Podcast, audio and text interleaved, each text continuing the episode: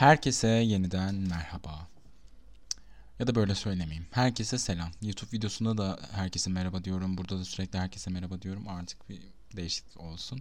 Herkese selam. Bugün konumuz hocalar olacak.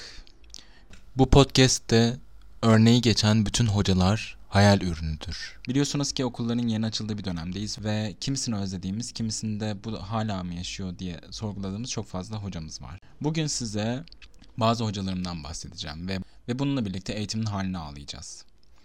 Hocalarım derken kimsenin ismini, sanını vermeyeceğim bu arada. Sadece yaptıkları şeyler hakkında konuşacağız. İlk olarak eğitim hakkında şöyle düşünüyorum. Online eğitim ne kadar bana yaramış ve sevmiş olsam da ki sevmek derken internetten kopya çekmek gibi şeylerden bahsetmiyorum bu arada. Eğitim sisteminde çok fazla bir şeye yaramadı bence. Hocaları biraz köhneleştirdi gibi geliyor bana. Hocalar dersi nasıl anlatır unuttu. Önceden bir slide gösterilir ve onun üzerine açıklayıcı anlatımlar eşliğinde dersimizi işlerdik. Fakat bu tamamen kalktı. Hocalar tamamen slide gösterir hale bürünmeye başladı bana kalırsa. Özellikle benim karşıma çıkan hocalar e, bu şekildeydi. Fark ettiğim kadarıyla bu karantinadan sonra oldu. Fakat hala izleri devam ediyor. Hala bazı hocalar bu alışkanlığı sürdürmekte ısrarcı. Sen sabah kalkıyorsun sıcacık yatağından, evindeki rahatını bozup geliyorsun sınıfa. Hoca perdeye bir slide açıyor ki kendi bile hazırlamamış. Yani ço- çoğu hocanın karşıma çıkan slaytlarına baktığımda internetten, ya SlideShare sitesinden falan almışlar. Bu bana bayağı garip geliyor. Neyse hoca SlideShare'dan bulduğu slide açıyor, başlıyor dümdüz okumaya. Ya bu benim önceden dikkatimi çekmiyordu. Fakat üstüne düşününce bu kadar çok mu vardı diye çok düşündüm açıkçası ve anladım ki karantina bir şeyleri etkilemiş bu konuda. Öncesinde dersine not almak için gittiğim hocanın slaytlarını arıyorum internette. Sanırım bu olay bazısına çok kolay geliyor ki bunu devam ettiriyor. Çünkü üstüne hiçbir şey koymuyor. Sadece okuyor geçiyor.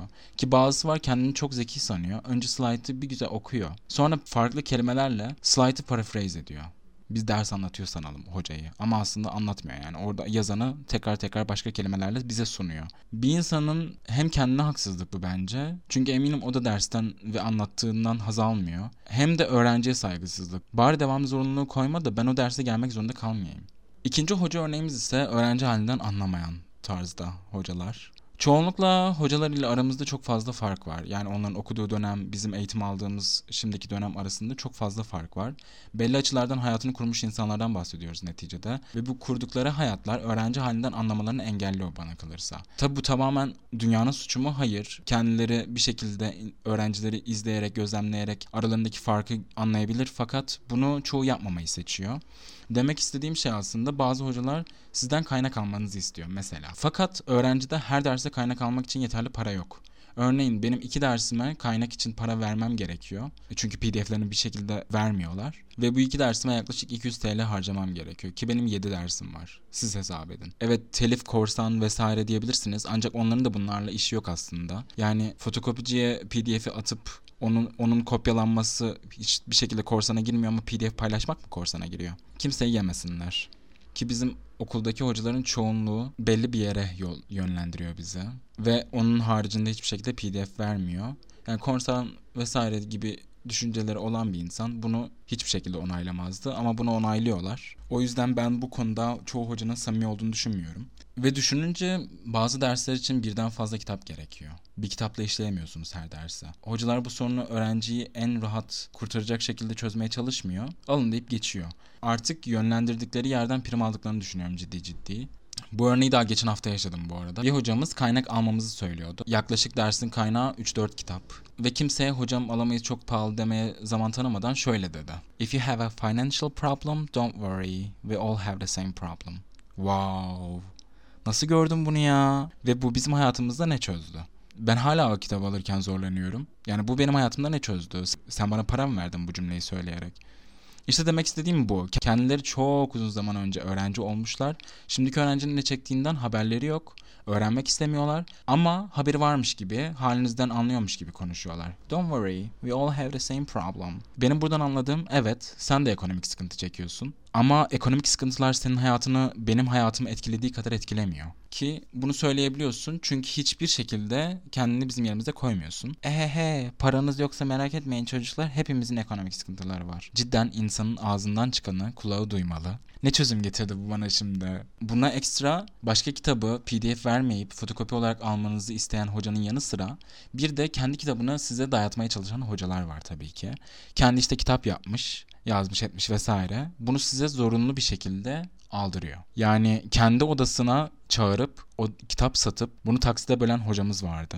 Ve kitaplar da yaklaşık 350 TL falandı. Bu sadece bir ders için. Yani bunlar bizim nasıl hayatlar yaşadığımızı sanıyor tam olarak. Aynı kitabını satmaya çalışan hoca bir de bize şey demişti. Hacettepe'lilere şu kadar satıyordum şimdi size bu kadar satıyorum indirim. aferin ya. Cidden aferin. Bu konuya biraz bağımlı olarak sıradaki hoca alışkanlığımız ise kitap aldırıp kitabı kullanmayan. Dediğim gibi bazı dersler için 3-4 bilemedin 6 kitap kullanmanız gerekebiliyor. Ve hoca istedi diye ben o kitabı satın alıyorum. Ve kendisi dönem boyunca bu kitabın suratına bakmamayı tercih ediyor. Ya ben o kitabı almışım, para vermişim. Bana niye bu kadar para harcattın madem kullanmayacaktın? Bir hocam var, hala daha hocam. O yüzden vardı diyemiyorum maalesef. Kendi sene başında iki kitap aldırmıştı. Cidden bir kere bile yüzüne bakmadık. iki kitabında. Bu hoca tipi slaytçılarla çok alakalı bu arada. Çünkü çoğunlukla ders slayttan okuyor, aldırdığı kitabı unutuyor. Yani ben bunların hepsinin öğrenciyi kazıklamak, öğrenciye saygısızlık, öğrenciye hakaret olduğunu düşünüyorum. Ya hiçbir şekilde kullanmayacağım bir şeyi aldırıyorsun. Ve onu da senin yönlendirdiğin yerden aldırıyorsun arada bir böyle halimizden hatırımızdan anlıyormuşsun gibi takılıyorsun. Bu bence ağır kötülük. Yani şimdi bir şey demek istiyorum fakat sansür ekleyeceğim. Yani bu çok çocukluğu. Evet gelelim şimdi en sevmediğime. Öğrencinin cebini düşünmeyenden daha kötüsünden bahsediyoruz şimdi. Öğrencinin zamanına değer vermeyen, umursamayan, düşünmeyen hocaya. Bunlar çok garip bir tür. Hasta olur haber vermez, işi toplantısı bir şeyi çıkar haber vermez. Herkese toplu mail atmasına bile gerek yok aslında bu hocaların. Bir öğrenciye yazsa zaten diğerlerine haber verebilecek konumda. Fakat öyle yapar mı? Hayır. Siz sabah 9.30 dersinize kalkarsınız. Minimum saat 8'de. O da okulunuz yakınsa. Sıcak yatağınızı bırakırsınız, ayrılırsınız. Doğru düzgün kahvaltı edemeden muhtemelen koştur koştur otobüse gidersiniz. Derste bir gidersiniz. Bekle anam bekle. Hoca gelmez. Neymiş hastaymış. Abi rapor almaya aklın yetiyor da neden öğrenciye haber vermeyi düşünemiyorsun? Ben senin yüzünden sabah erkenden kalkmak zorunda mıyım? 2 dakika ya 2 dakika. Mail atacaksın bitecek. Mesela örnek verelim 20 kişi düşünün. Hepsi sabah kalkıyor bir kere zamanları gidiyor zaten yolda. 2 otobüs parası veriyorlar. Ki otobüs parası değişebilir. Aktarma aktarma yapıyorsa bir öğrencinin otobüs parası daha da çoğalıyor. Dersine geliyorsun hocanın yok. Minimum 20 öğrenciden düşünün şimdi bunu. O kadar insanın vaktini çalıyorsun. O kadar insana belli bir harcama yaptırıyorsun. Enerji sarf ettiriyorsun. Bu bence hakaret. Ama bunu 100 öğrenciye, 90 öğrenciye yapan var her hafta. Diyelim o gün başka ders var. Öğrenci yine beklemek zorunda. Ekstra sıradaki dersi beklemek zorunda. Dersi yok diyelim boşu boşuna para verip okula gelmiş oluyor. Yani bu insan dönüşte yine harcadığı para kadar otobüs parasını harcayacak derse gelmeyip haber de vermeyen hoca öğrencinin otobüs parasından da okula gelirken aldığı duşun su faturasından da mesuldür bence. Bunu hiçbir hoca bana mantıklı şekilde izah edemez. Düpedüz saygısızlık. Sıradaki hoca örneğimiz ise bu benim cidden aklımı hayalimi durduran bir gerçek. Belirsiz kaynak kullanan hocalar. Yani hocanın kitabını açıyorsun. Sana verdiği derste kaynak olarak kullanman gereken kitabı açıyorsun ve hani bir internetten bulayım bunun pdf'ini diye bakıyorsun diyelim. Hoca senin fotokopiciye yönlendirmiş. Senin fotokopi çektirecek paran yok. O yüzden diyorsun ki ben Google'a bunun bir paragrafını yazayım da belki oradan pdf çıkar önüme.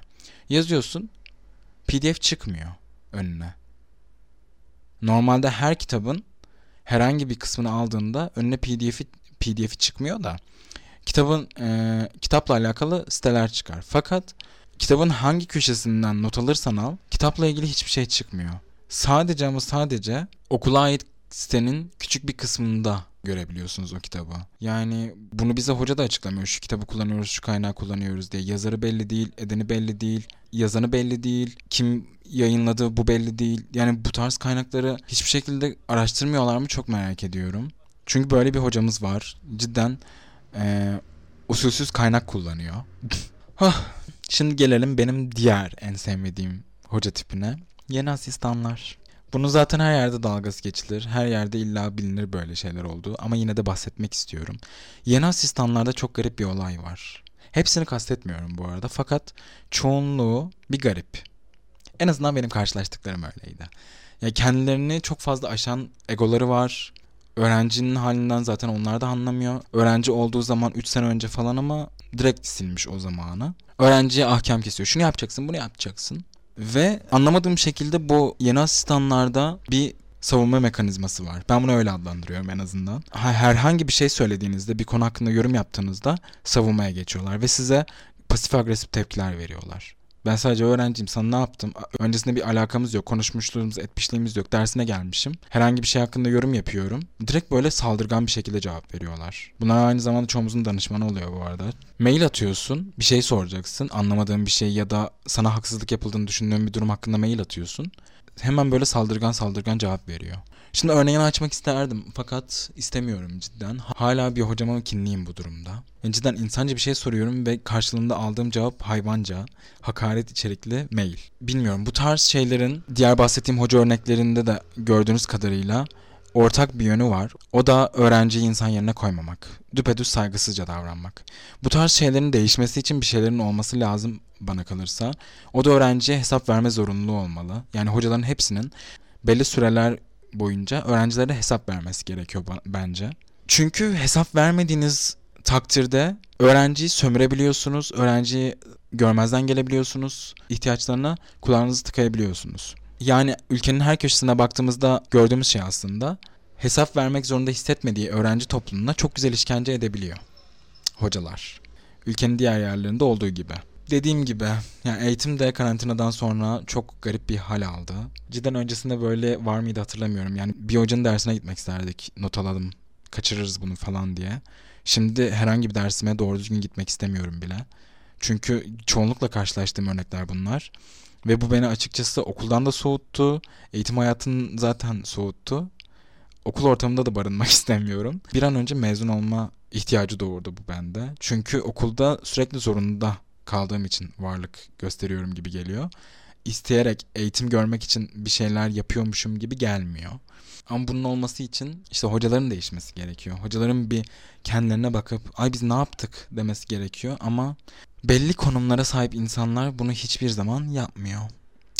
Bu da ülkenin her yerinde gördüğümüz örneklerden biri. Evet, bugünlük podcast'ım bu kadardı. Umarım dinlerken eğlenebilmişsinizdir. Ben bir tık sinirlendim. Uzun zamandır konuşmak istediğim bir konuydu aslında bu. Hali hazırda okullarda açıldı falan aradan çıkartayım dedim. Anlayacağınız içimi döktüm. Benim fark ettiğim ya da sinir kat sayımı yükselten hocalar bunlardı.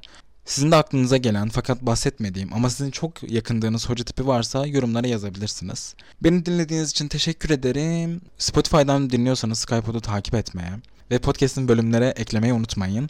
Eğer YouTube'dan izliyorsanız Skype kanalına abone olursanız ve beğenip yorum yaparsanız çok mutlu olurum. İleriki podcast bölümlerinde neler duymak istersiniz, hangi konular hakkında konuşmamı isterseniz onları da yazarsanız çok mutlu olurum. Bir sonraki podcast'te görüşürüz. He de diğer portallar vardı. Amazon'da da var, Google Podcast'ta da var, Apple Podcast'ta da var. Bu tarz yerlerden de beğenip yorum yaparsanız çok mutlu olurum. Evet görüşürüz. Bir sonraki videoda. Bir sonraki podcast'te görüşürüz. Okey.